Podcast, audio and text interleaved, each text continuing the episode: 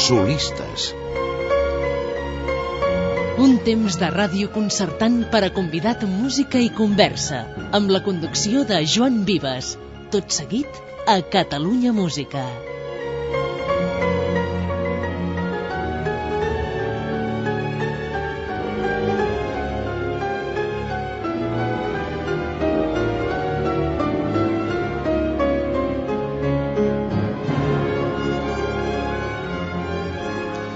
L'antiguitat es parlava de les sirenes, es parlava d'uns éssers que deduïm que havien de ser d'un gran atractiu estètic i alhora eh, la seducció del seu cant eh, havia de ser profund, eh, profunda, perquè eh, si eren capaces de generar que uns quants mariners s'estavellessin contra la fi del món o caiguessin pels costats de la terra quan la terra era plana, doncs realment el seu cant havia de ser extraordinari. Jo no sé si vostè ha tingut ocasió de poder esbrinar eh, quina la veritable essència del cant de les sirenes? Bueno, es un, es un tema, es un tema complicado.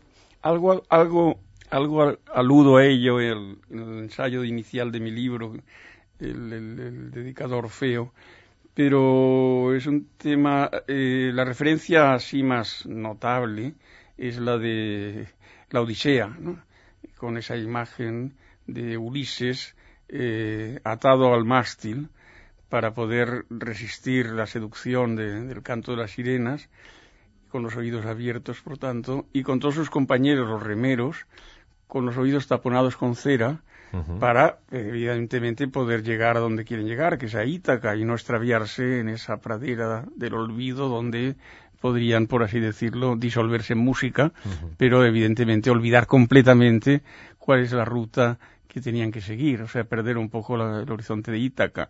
Este tema yo, bueno, aconsejé a la editorial y con muy buen criterio la editorial lo incorporó como imagen, como icono de mi libro, uh -huh. eh, de una vidriera, de una antigua vidriera donde aparece precisamente esta escena, con las sirenas que entonces, en aquella época, sobre todo eran, eran, eran arpías, o sea, pájaros, de, eh, aves de rapiña con rostro de mujer, ¿no? Uh -huh. Y que revolotean, en este caso casi se enredan entre, entre, entre las cuerdas del mástil uh -huh. y bueno, la imagen es muy impactante, ¿no? Luego hay un texto que yo pongo como cita inicial en el libro de Platón, donde podríamos decir que las sirenas quedan como, como civilizadas o sublimadas, ¿no?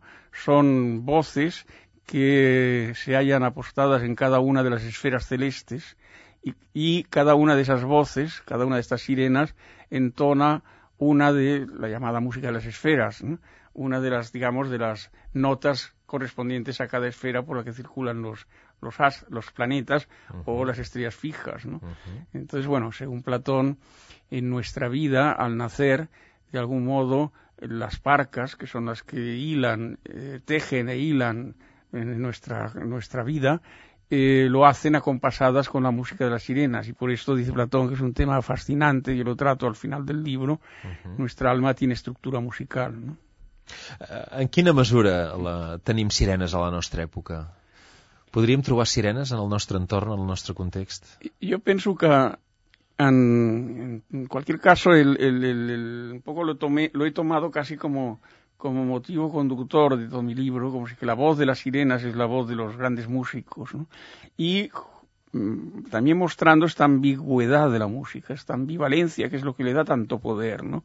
El que por un lado nos eleva el ánimo pues hasta las mayores alturas místicas, por así decirlo, pero por otro lado nos puede extraviar hasta eh, hacernos perder la memoria o perdernos completamente pues en, o disolver nuestra conciencia, ¿no? Llevarnos como queremos a, a, escenarios de rapto o de posesión com ocorria, per exemple, con la música dionisíaca. No? Uh -huh. O sigui que quan estem parlant de sirenes, en el fons, més enllà de que puguem extrapolar les sirenes amb determinats personatges, però eh, la passió que, generen, que generava el cant de les sirenes no deixa de ser una passió eh, inherent a, a la mateixa música. Yo pienso que sí, yo pienso que, que bueno, es una, creo que una, una muy buena metáfora de lo que es la propia música, ¿no? Para decirlo de alguna manera, la sirena la llevamos dentro, ¿no?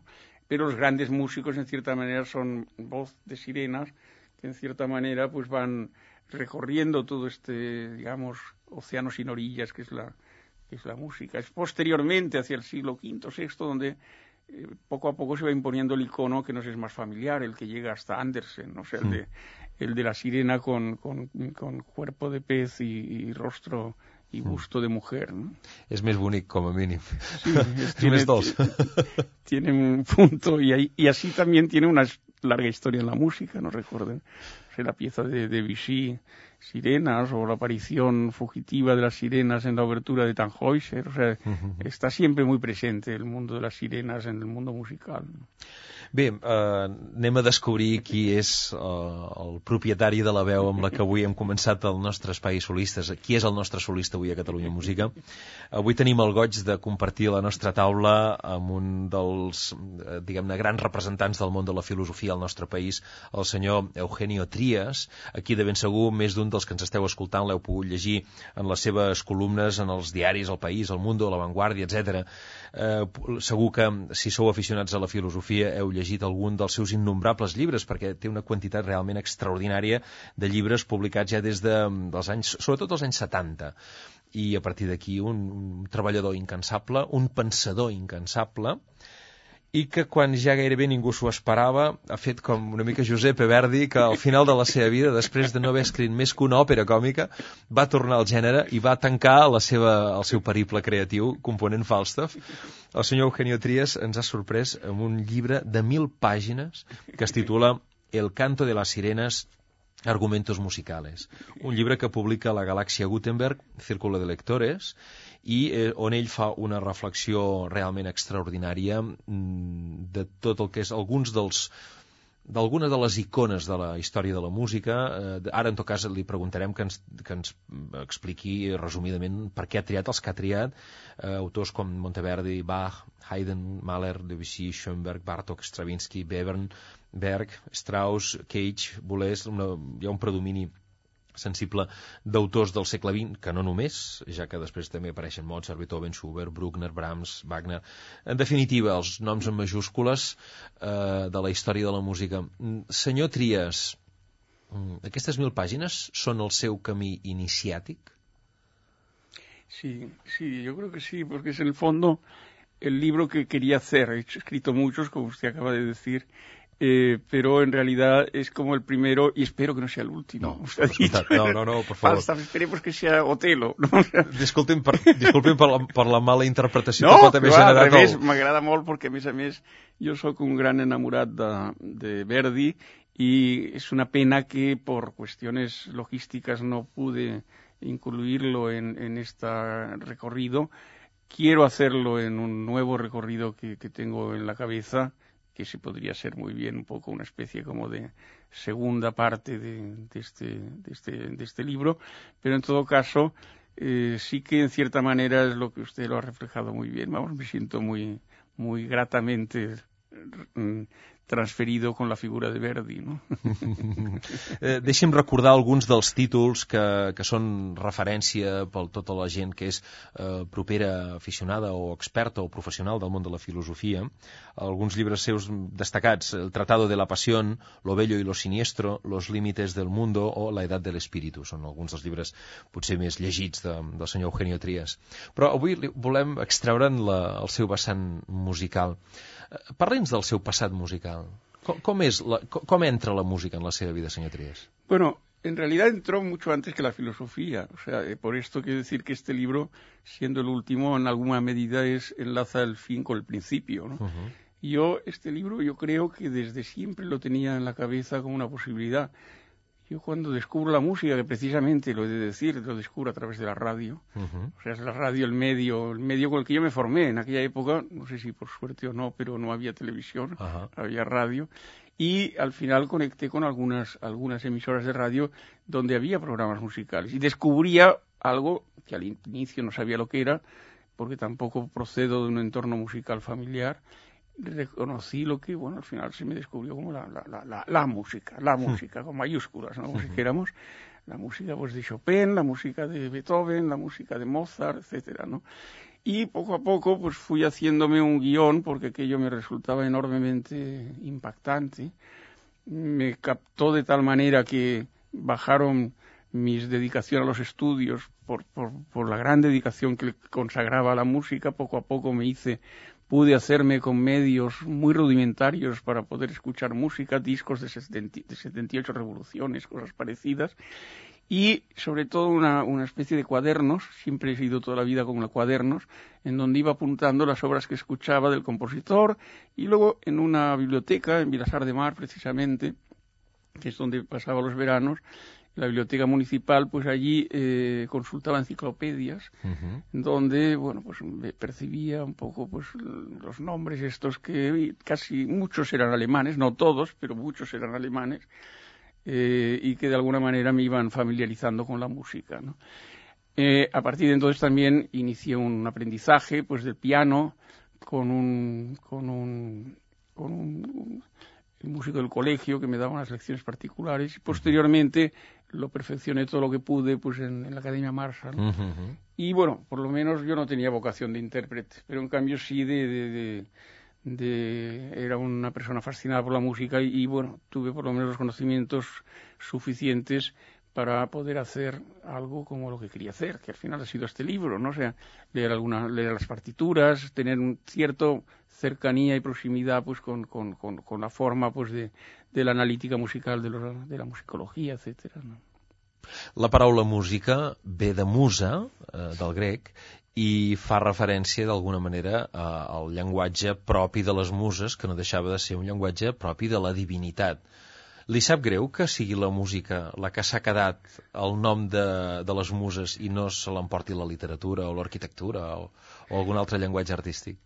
No, yo creo que es muy apropiado, vamos. Yo pienso con, como Flamán en la ópera Capricho de Richard Strauss, que, llama a la música ese arte sagrado, ¿no? Heiliges Kunst. Yo pienso lo mismo, o sea, pienso que es un arte que es más que arte. Arte en el sentido, pues, de, de bueno, de lo que se entiende por tal, sobre todo, sobre todo, pues, en, en los últimos dos, tres siglos. Yo creo que es una forma de conocimiento, de conocimiento y de reconocimiento de nuestra propia de nuestra propia alma, ¿no? Entonces, en ese sentido, la música tiene, además, un carácter de, iniciático, como decía usted, ¿no? O sea, insisto mucho en estos caracteres porque a veces se olvidan. Insisto, por ejemplo, también en, en, que la música no es solo algo que tiene, conecta con nuestras emociones, también con nuestra forma de pensar, con nuestro pensamiento. ¿no? Subrayo mucho también en el libro este componente porque a veces por cierta tradición romántica un poco exagerada en el siglo XIX, pues se ha dado un exceso de relevancia a la música como expresión de afectos o sentimientos o emociones, que evidentemente lo es, pero no es solo eso. ¿no? De totes formes, quan vostè accepta el, el que hem dit, no? la paraula música pel llenguatge musical, per la divinitat del llenguatge musical, de cop m'ha vingut la sensació de que vostè s'està alineant d'alguna manera amb la perceptiva eh, de finalíssims del 18, sobretot del 19, del segle XIX.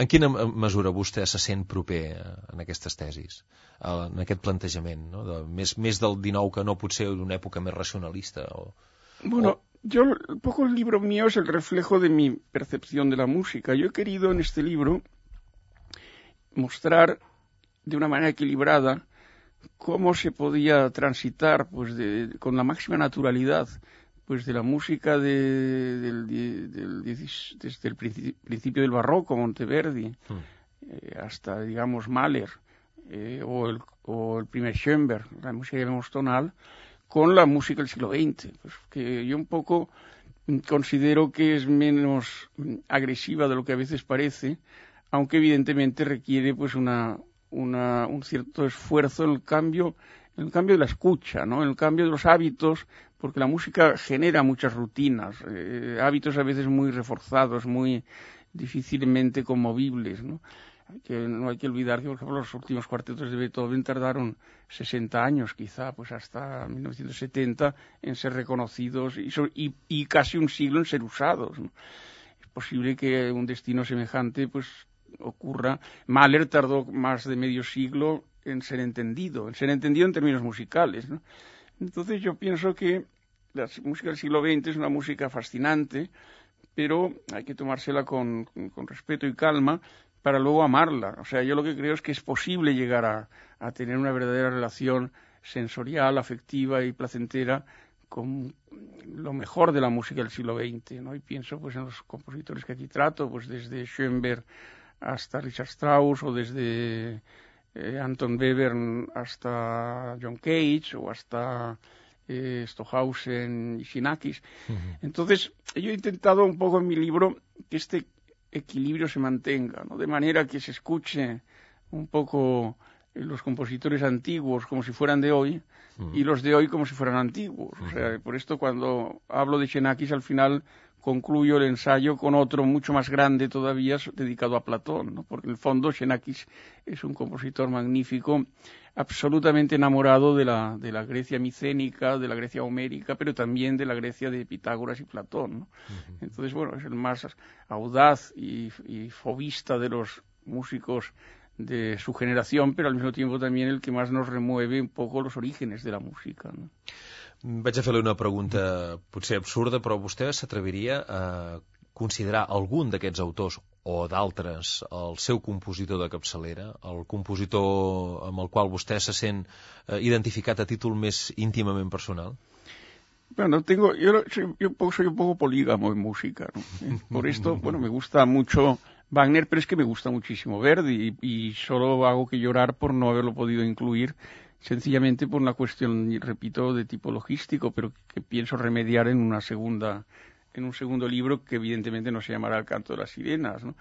Eh, por otro lado, mmm, eh, yo adoro a Bach, pero también a Beethoven. O, me encanta mmm, Wagner, pero por supuesto también todo Schoenberg, desde el de los Gurre-Lieder pero a mí me gusta mucho también, no sé, las variaciones Opus 31, o el, que yo no las encuentro tan imposibles como algunos piensan, ¿no? Uh -huh. O estas piezas neoclásicas, en el fondo, tan llenas de, de, de, de, estilo grácil, de comedia, como puede ser la, la suite Opus 29 o la serenata Opus 24, con piezas, pues bueno, que remedan, pues la, el minueto, la musette, piezas de, o, el, o la giga, piezas casi con poco especie, de, bueno, en esa época de los años 20 y 30, entre el 20 y 30, en que se puso de moda un poco el, el, el el retorno de las grandes formas del barroco, ¿no? como ocurría con Stravinsky. ¿no? Entonces, yo en esto no tengo, tengo muchos amores, ¿no? no, no hay uno solo. Si usted me dice, bueno, dígame uno, uno, uno, uno, casi me atrevería a decir Beethoven. Beethoven sí me condensa un poco, sobre todo el último Beethoven, algo casi inaudito, ¿no? O sea, dentro de lo, de lo audible, ¿no? No, no es casual que, que, lo hiciese un hombre que no tenía, que no tenía ya, eh, que, que, donde el oído era interior, ¿no? Era oído del alma, ¿no? Uh -huh. No sé si en aquesta paleta d'amors eh, musicals hi podríem afegir algunes manifestacions, algunes estètiques del so que no són presents en aquest llibre. Qui sap si la música popular, qui sap si algun tipus de manifestació, no sé, més propera al que és la, el pop, el rock, el jazz... Sí, yo sobre todo, el único, lo único que, lo que usted le dice que lamento que no esté presente y espero que algún día pueda estarlo, es el jazz. O sea, el jazz yo creo que de, lo que usted ha señalado es quizá, por lo menos, claro, en música también hay un componente personal y subjetivo, ¿no? El jazz, siempre que, sobre todo en mis, las veces que he estado en Estados Unidos, sobre todo en Nueva York, pues el asistir un poco en vivo al jazz, en las cavas de jazz tan fantásticas que hay allí, pues es algo profundamente, profundamente importante, emocionante, y es una tradición que ha tenido momentos extraordinarios y gloriosos y que, bueno, que se mantiene viva, ¿no? Yo creo que sí, es jazz. Las otras manifestaciones, yo de reconocer que no me resultan tan, tan cercanas, ¿no? Eh, puede haber, no, no quiero decir con estos, no quiero hacer con esto ningún juicio de valor, ¿no? Uh -huh. Valoro mucho, pues no sé. Claro, música popular es un, el, el concepto de música popular es un concepto tan, tan amplio, tan extenso, tan, claro, no sé, es que no sé, no sé dónde empieza y dónde acaba, ¿no? Eh, a mí me encantan, no sé, las canciones de Edith Piaf, ¿no? Eso es música mm. popular. Entonces, claro, es, estamos, entramos en un terreno que no tiene, que no es, no es fácil de, de determinar, ¿no? Y bueno, en cualquier caso, a ver, no sé, en los años 60, yo me acuerdo, estuve en Londres y me enamoré de los Beatles y de su música porque, bueno, era un poco lo que, eh, además lo pude ver en vivo, no a ellos, pero sí a los eh, 400 co eh, conjuntos que entonces poblaban la ciudad, ¿no? Senyor Trias, vostè és xiulador? No mucho, porque tengo, tengo, tengo un poco atrofiada. A ver, tengo, uh, para mí también un poco, sería, sería muy pretencioso decir como Beethoven, pero es más una cosa interior, ¿no? Pero luego la expresión me resulta más difícil. De la misma manera que soy una persona absolutamente negada para todo movimiento acompasado, he sido siempre un desastroso danzarín, pues tampoco la voz me acompaña en este sentido, ¿no? Ni, ni, ni siquiera el silbido, ¿no? Pero, mm, de todas maneras, sí que, eh, mm, bueno, hubo una época además, por ejemplo, en que eh, me acompañaba siempre en mis paseos y en mis, sobre todo en paseos por prados, en bicicleta, eh, la armónica, una de aquellas bellas armónicas que, que funcionaban hace, cuando yo tenía pues 12, 13, 14 años. ¿no? I quin era el tema preferit que tocava amb l'harmònica? Inventaba, inventaba, siempre inventaba, siempre inventaba temas y motivos y luego los apuntaba como si fueran composiciones propias. ¿no?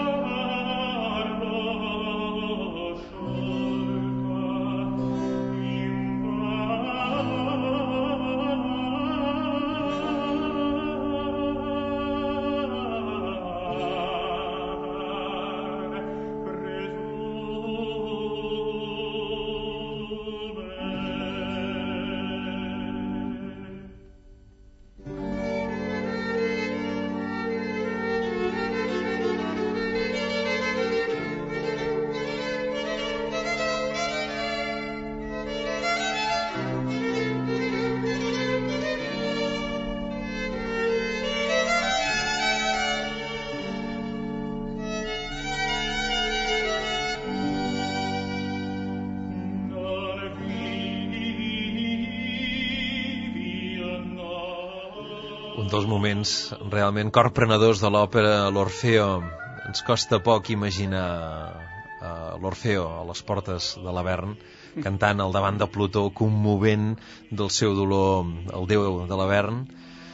Quina repercussió té uh, per, per, per vostè, senyor Eugenio Trias, sentir aquests cants amb aquests ressons d'instruments que evoquen un món d'alguna manera tan inexistent com probablement el de la filosofia, no? Siempre produce un enorme estremecimiento el acercarse al origen, ¿no? Y aquí se está, se está, aquí están haciendo algo, algo que quizás cristaliza después, pero aquí están haciendo algo. Eh, al final se le reconocerá como la ópera, ¿no? Mm. Evidentemente que no es la primera, ni siquiera tiene este nombre, es una fábula, pero música, ¿no? el Orfeo me refiero. En realidad era una, una pieza festiva mm, de circunstancias palaciega, pero y que había sido antecedida, por cierto, por otras composiciones, no de Monteverdi, pero siempre con casi siempre, casi siempre, no siempre, pero casi siempre en relación al mito de Orfeo. ¿no? Esto es la leyenda de Orfeo, también es interesante, ¿no? Siempre Orfeo, Eurídice, etcétera, aparecen en esas primeras composiciones tramadas por la llamada Camerata Florentina, Vicenzo Galileo, mm, Peri, etcétera, ¿no? que componen piezas, pero bueno, evidentemente cuando las escuchamos hoy ninguna de ellas es comparable con esta especie de pieza extraordinaria que es el Orfeo y sobre todo esta aria, ¿no? quizás la primera aria operística, eh, en donde además tiene una importancia enorme eh, no solo la voz, no solo la escena evidentemente, sino también la copia instrumental como puede escucharse. Yo le llamo al ensayo dedicado a Monteverdi, que es el que en poco es la abertura de mi libro, es el primero con el que inauguro el libro, y no es casual que lo haga precisamente aludiendo al gran mito y leyenda de la, de la música que es Orfeo. Eh, yo le llamo el poder de la música. Y eh, es en esta área donde esto se pone de manifiesto.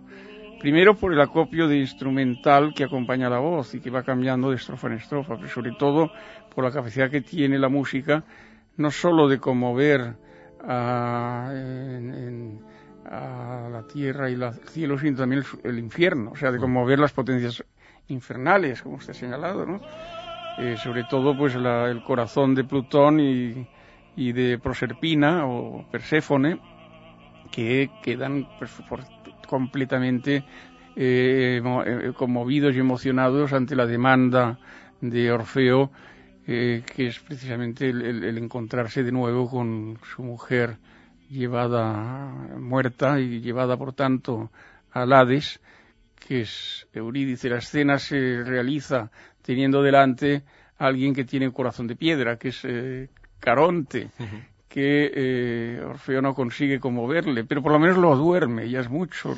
La música tiene poder por lo menos para dormirlo y mediante esa especie de sueño, de sueño providencial, eh, Orfeo puede atravesar la laguna Estigia y encontrarse, eso sí, con los reyes del, Hades, que están perfectamente conmovidos por la demanda de Orfeo. No? Això és un reflex de la societat? És a dir, a la societat tenim Orfeus, tenim Carons i tenim Plutons? Yo pienso que la música en este sentido es esponjosa, ¿no? La música eh, refleja la sociedad, ¿no? Eh, refleja y sublima y también revela, eh, yo creo, un poco el gran poder de la música. El poder de la música está en la capacidad que tiene de sublimación. O sea, por ejemplo, pues es capaz de, cuando entramos en el tercer acto del Orfeo, cambiamos completamente de escenario, incluso la instrumentación cambia totalmente. El bajo continuo está representado por, por instrumentos, pues que todos ellos son de, de, entonación muy grave, ¿no? y, algunos muy chirriante, ¿no? A diferencia del tipo de instrumentación y voz que uno descubre en las danzas, canciones, arias que se han desarrollado en los dos primeros actos, ¿no? Que tienen un carácter festivo, ¿no? Pues como celebran los esponsales de Orfeo y Eurídice, ¿no? Hasta la llegada a ese momento extraordinario de una modulación a tono menor donde aparece la mensajera, ¿no? Trayendo la mala noticia de la, de la muerte de Eurídice. Bueno, un tema que en el libro, en el ensayo sobre Monteverdi, repito, en mi libro es como la obertura, ¿no? Son 23 ensayos más un último llamado Coda Filosófica, pero el primero de ellos tiene un cierto carácter como del que eh, eh, abre un poco los temas, muchos de los cuales irán apareciendo también en los restantes ensayos. El, el, el, el ensayo este dedicado a Monteverdi. És el creuament de la llacuna estígia, d'alguna manera, Exactament. eufemísticament parlant. Sí, sí.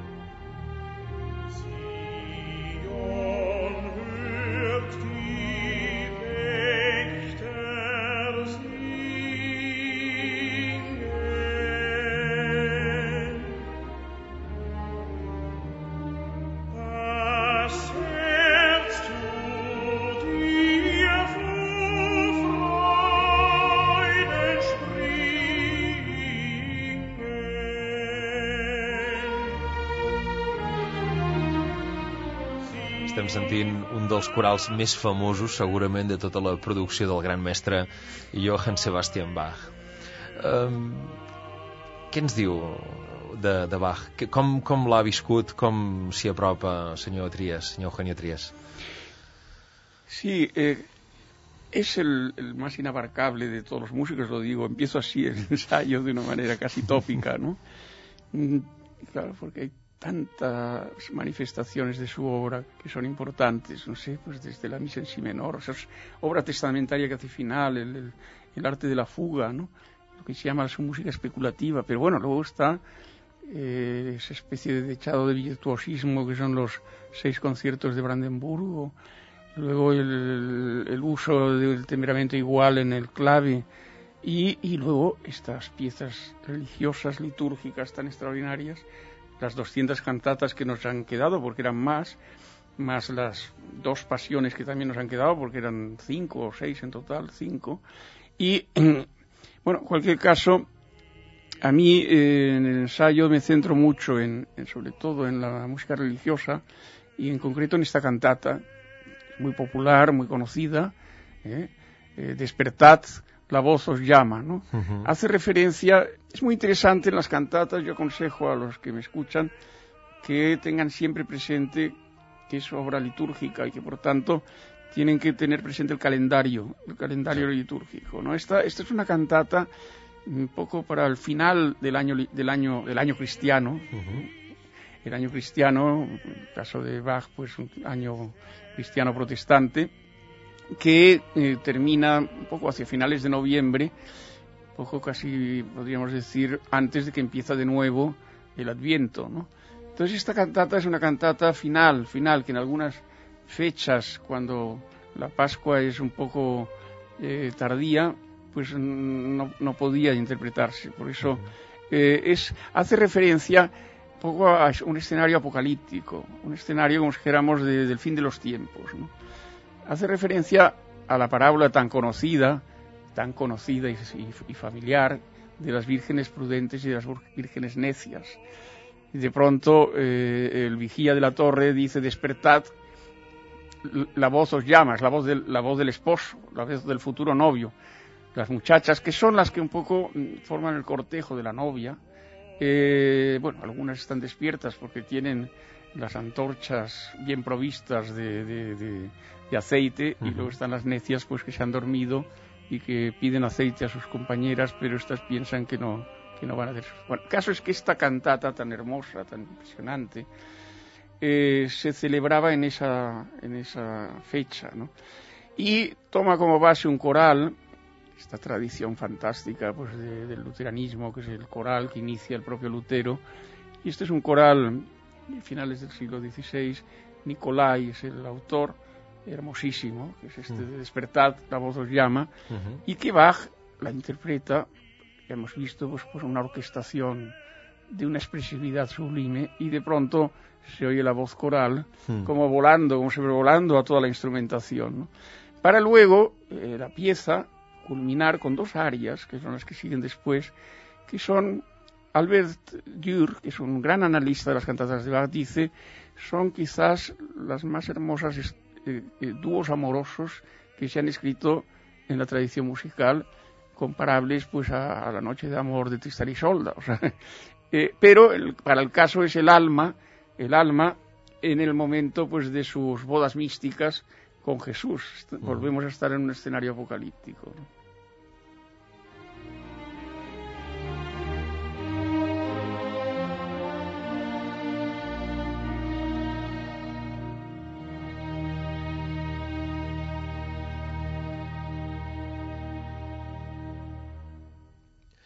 Estàvem sentint una d'aquestes versions que podíem considerar una mica antigues, potser per alguns melòmens. Eh, era la versió dirigida per Karl Richter de la cantata número 140 de Bach. Eh, potser crida l'atenció el tempo una mica lent. No sé si a vostè li agrada les versions tipus Karl Richter o li agraden més les versions fetes amb criteris històrics que acostumen a comportar uns tempos una mica més eteris, eh, més lleugers, més eh, vius. A ver, yo en principio, a mí me encantan las versiones con reparos en algunos casos, de, sobre todo en el tema de las voces, de, eh, pues de eh, uh -huh. o, pero el caso de Richter para mí es especial. O sea, yo creo que Richter eh, es verdad que, en algunos aspectos puede, pero a mí algunas cantatas y sobre todo la pasión de Sagún San Mateo, interpretada por él, tiene una, fuerza expresiva muy, muy grande y por lo tanto yo en este sentido me sería difícil elegir. ¿no? De todas maneras, en principio creo que que es importante tener presente un cierto equilibrio no? entre, entre estas mm. possibilitats. No? De fet, vostè en el llibre parla de que ha calgut recuperar instruments d'època, sí. eh, ara no recordo si fins i tot també parla de criteris interpretatius per recuperar totes aquestes músiques de Monteverdi, de Bach... Sí, sí, sí, sí, sí. Sí, yo pienso que sí, que ha sido una labor eh, extraordinariamente importante mm. y que nos ha acercado, aunque al principio provocase un, un, dificultad, el caso de Bach, el caso de Monteverdi, no digamos, nos ha acercado mucho a estas músicas que la verdad es que de este modo pues quedan mucho mejor representadas. Pero repito que ya el caso de Richter de Richter me, me, como me desarma, ¿no? Porque es tan bueno que... Sí, sí, sí. sí. El, la, la, les obres per tecla de Bach, eh, piano, clavecí... Yo prefiero el clavecín, la verdad prefiero el clavecín. Ahora, no sé, tampoco... Eh, claro, si también nos encontramos, pues que es...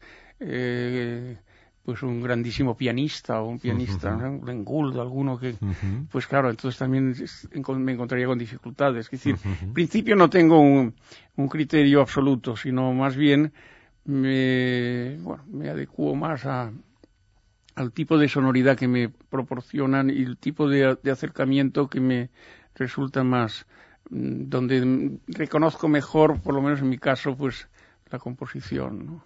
Eugenio Trias, eh, Glenn Gould, mm, quan va enregistrar les variacions Goldberg, es va carregar el, molts dels tòpics del que era la de l'escola pianística i va crear un Bach que no s'assembla ni a les versions tradicionals de piano i alhora tampoc a les versions històriques fetes amb clavecí. Vostè se sent identificat eh, filosòficament parlant amb Glenn Gould en el seu terreny? És a dir, vostè quan comença a treballar eh, crec que una de les coses que l'ha fet conegut és que ha trencat alguns de, dels paràmetres, diguem-ne, del món de la filosofia dels, en, el, en el moment en què vostè comença a publicar els anys 70 sí, sí, que, sí. que en aquells moments probablement li van, eh, perme, li van eh, justificar tot un seguit de crítiques. Sí, sí, en quina sí, mesura usted eh, se sent en aquest sentit proper a Glenn Gould? No, en muchísimas cosas, la verdad. Yo tengo una gran admiración por toda la obra de Glenn Gould, la obra pianística, la obra, incluso sus, sus manifestaciones teóricas. Recuerdo, sin más lejos, cosas, no sé, por ejemplo, decir en un momento en que, en que no era ningún tipo de, no había ningún consenso creado, que uno de los grandes, si no el más grande músico del siglo XX era Richard Strauss. o sea, es, es un, Pero como compositor a mí me, me ha abierto los ojos, o los oídos, digamos mejor, los ojos también en relación a las partituras, pero me ha abierto los oídos y los ojos, los sentidos, a, pues a, sobre todo, pues a, a Bach concretamente, y a otros muchos, a otros muchos compositores.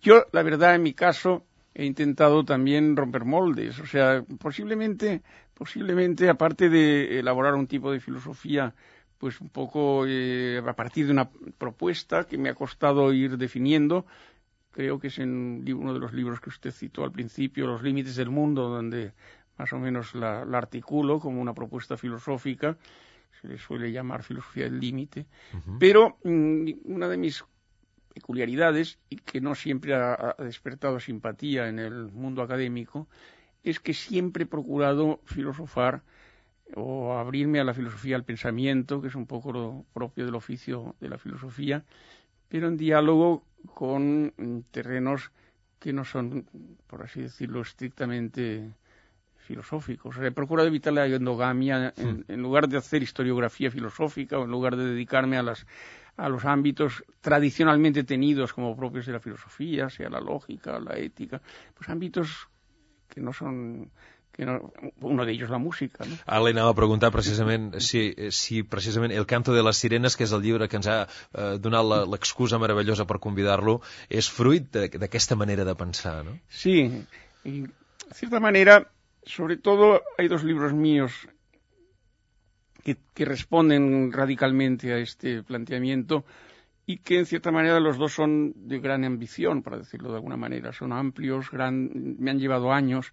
Uno es la edad del espíritu, que es una aproximación al mundo de las religiones, justo en la época en que yo intuía y no me equivocaba de que este tema iba a ser un gran tema, pero justo cuando todavía pues se pensaba que era una extravagancia, ¿no?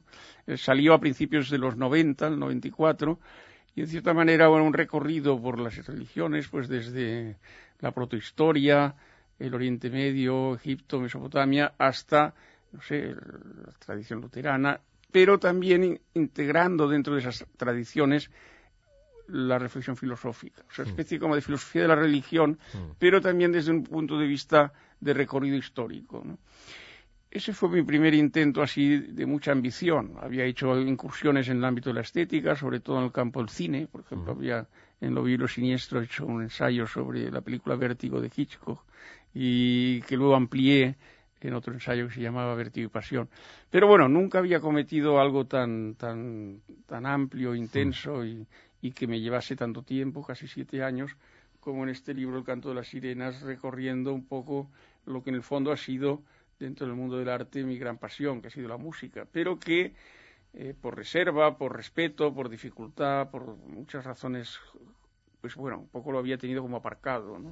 Y al final, pues bueno, aquello como quien dice, ¿no? Pues cuando cumplí los 60 años me vi liberado, ya llevaba dos preparando un poco el terreno, ahora tengo 65, y poco a poco fui haciendo el recorrido que aquí he seguido. Pues no en el mismo orden como luego aparece, porque los ensayos se pueden leer con independencia, aunque creo que el lector que los lee seguidos pues adquiere una especie pues de, y quiero decir que el, que el, libro tiene una cierta dirección, hay una, una línea, llamémosle narrativa argumental, ¿no? Pero en cualquier caso, bueno, ir siguiendo un poco esta secuencia, pues desde Monteverdi hasta Xenakis, ¿no? Cuatro siglos poco era la idea, es un poco la que se plasma en el libro Cuatro siglos de música occidental.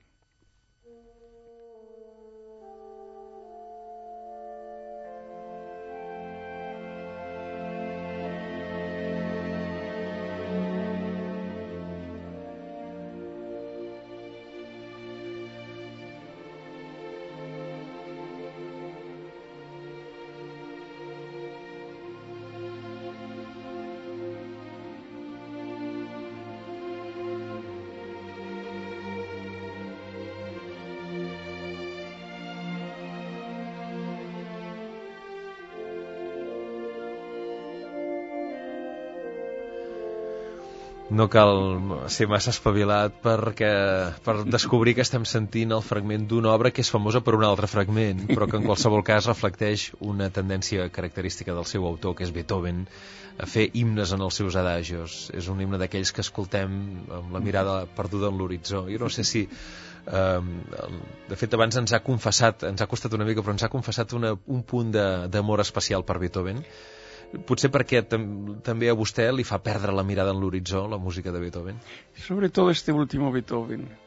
Este Beethoven que, que tiene esa gran crisis de tres, cuatro años, eh, bueno, cuando pierde completamente todo, toda relación auditiva con el uh -huh. mundo y su sordera ya es completamente radical, ese proceso tortuoso a través del cual escribe la, la Misa Solemnis y finalmente esta obra magna extraordinaria que es la novena sinfonía, ¿no? con este adagio tan fantástico, esta frase primera que es una de las más conmovedoras que yo creo que se han escrito en la historia de la música y que, eh, bueno, eh, es una de las características para mí de este Beethoven final es la reforma de los movimientos lentos.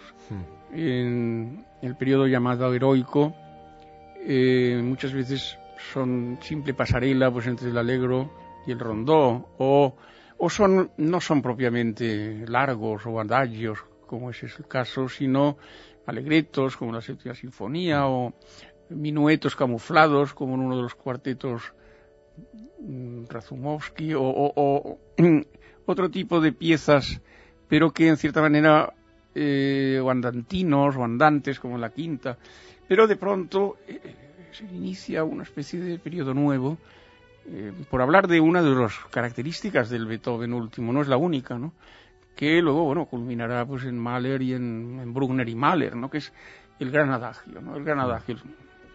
El primero sería, sobre todo, el de la sonata Javier Clavir, y otro sería este, precisamente, el adagio y andante, que en realidad es, un, es una doble variación, un doble tema del adagio y del andante, y luego una doble variación, es una estructura muy compleja la de este movimiento tan hermoso que es el penúltimo de la novena, ¿no? antes de llegar al himno de la alegría. ¿no? el, no, el temps se'ns tira a sobre. M'agradaria molt parlar amb el senyor Eugenio Trias de, de l'himne a l'alegria de Xile, que de ben segur que ens donaria per fer una conversa llarguíssima, però, però de totes formes seguim eh, resseguint tot aquest procés que el senyor Trias desenvolupa en el seu llibre El canto de les sirenes.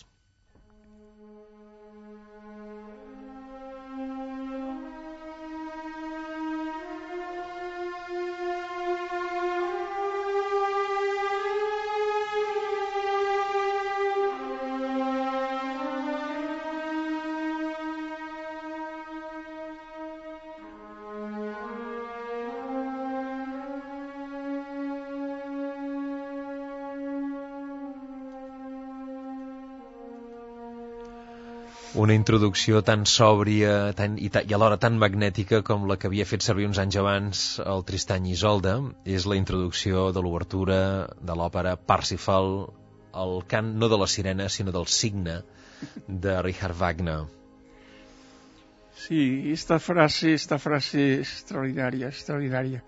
Es una frase que está, mmm, tiene una especie como de cesura interna, un do menor, mm. intercalado, que, le, que la desequilibra y que luego es un poco el, proporciona muchos de los motivos de toda la obra, ¿no? Por ejemplo, el de la lanza, el de incluso algunos elementales onomatopeicos de las campanas. Es una algunos lo consideran como lo que el propio Wagner llamaba Grundtheme, el tema fundamental. ¿no? Él no empleó lo de los motivos conductores, lo se lo inventó un crítico teórico, pero no es del propio Wagner.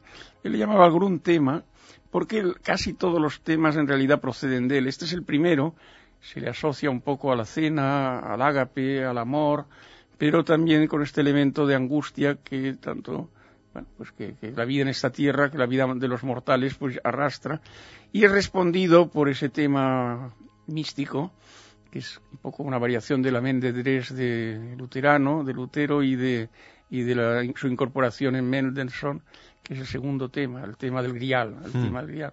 Y finalmente el tercer gran tema de esta obertura, que es el tema de la fe, ¿no?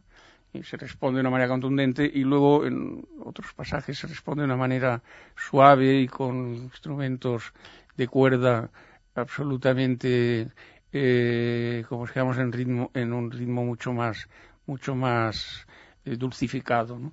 bueno yo creo que Parsifal es el gran testamento de Wagner uh -huh. y sobre todo yo recomiendo escucharla como si fuera una gran sinfonía. Él decía al acabar Parsifal que si, bueno, si hubiera seguido viviendo, porque murió pronto, murió después, hubiera compuesto sinfonías. O sea, poco es el caso pues de cómo desborda completamente lo que él mismo llamaba drama musical. Uh -huh. Parsifal ya no es un drama musical, es como una especie de, de sinfonía. Él le llamó, por llamarlo de algún modo, eh, eh, eh, festival escénico sacro, ¿no? -huh que es, bueno, ya de por sí exigiría una exégesis de cada una de estas palabras, ¿no?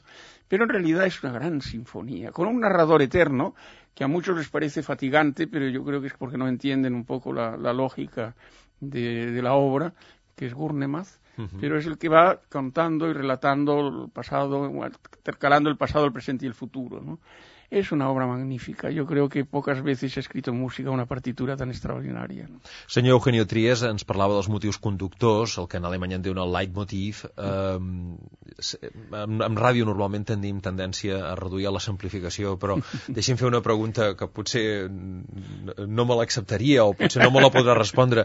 Hi ha un leitmotiv a la seva vida, en la seva conducció filosòfica? Hi ha algun tipus d'estrel de, al final del camí que a vostè li ha servit de guia per arribar des de les seves primeres publicacions i fins i tot abans, els primers esbossos, fins a anar a trobar la música i anar seguint aquest fil. Quin estel és el que l'ha conduït? Desde siempre, y esta es una de las razones por las cuales en realidad la música siempre estaba presente en mi obra, aunque nunca le hubiera dedicado un espacio como le he podido hacer ahora, formulaba un poco mi, mi, propuesta filosófica con el nombre de principio de variación. O sea, el principio de variación musical, pero en su forma compleja, tal como aparece después de Beethoven, y que un poco se, se articula también con lo que eh, Liszt, Schumann, etcétera, llamarán metamorfosis temática. Es la idea de, la, de, de un principio interno de transformación. O sea, entender la vida, la vida como una especie de, síntesis posible de, lo uno y lo vario, ¿no? de, aquello que en cierta manera nos va recorriendo bajo forma de carácter o bajo forma pues de, nuestro legado, pero al mismo tiempo las transformaciones, pero transformaciones que en cierta manera, como decía Nietzsche, son verdaderas muertes. O sea, eh, eh, Nietzsche habla en un momento dado que el, espíritu creador es aquel que soporta muchas muertes y que en cierta manera se refiere pues, a unos yatos, a una especie como de calderones musicales en medio de la propia vida. ¿no? Yo casi esto lo pongo un poco como, como figura ética y como propuesta de vida, ¿no? como una especie de, de modelo de conducta. ¿no?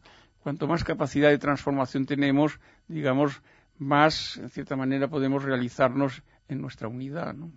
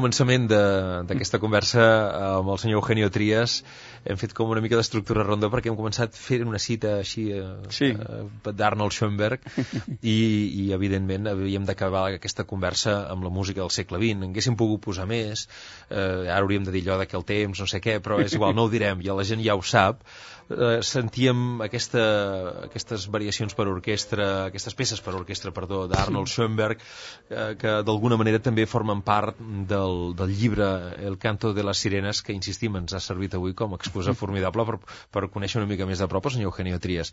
Parli'ns de, ja no li diré d'Arnold Schoenberg, si, si ell és possible de fer una mica de compendi del que és el segle XX, amb tota la seva dimensió especulativa, amb el trencament de la tonalitat, amb la incorporació del soroll.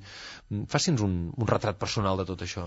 Sí, lo primero que decir es que es importante perder el miedo y para esto también es importante también dedicarse, o sea, no, no es una música que para muchos pues eh, eh, entre a la primera, ¿no? Porque repito que los hábitos musicales son mucho más lentos, por ejemplo, que los visuales. Mm.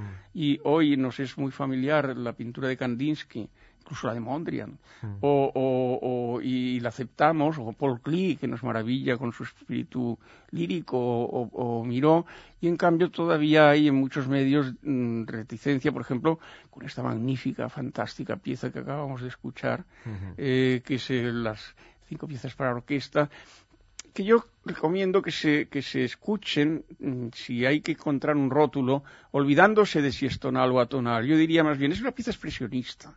Hmm. Es una pieza expresionista donde mm, además él mismo mm, declara al propio Schoenberg pues que lo que le importa a él es renunciar un poco a ciertas formas arquitectónicas tradicionales y son más bien como si fuéramos manchas sobre un lienzo, pero extraordinariamente bien dispuestas.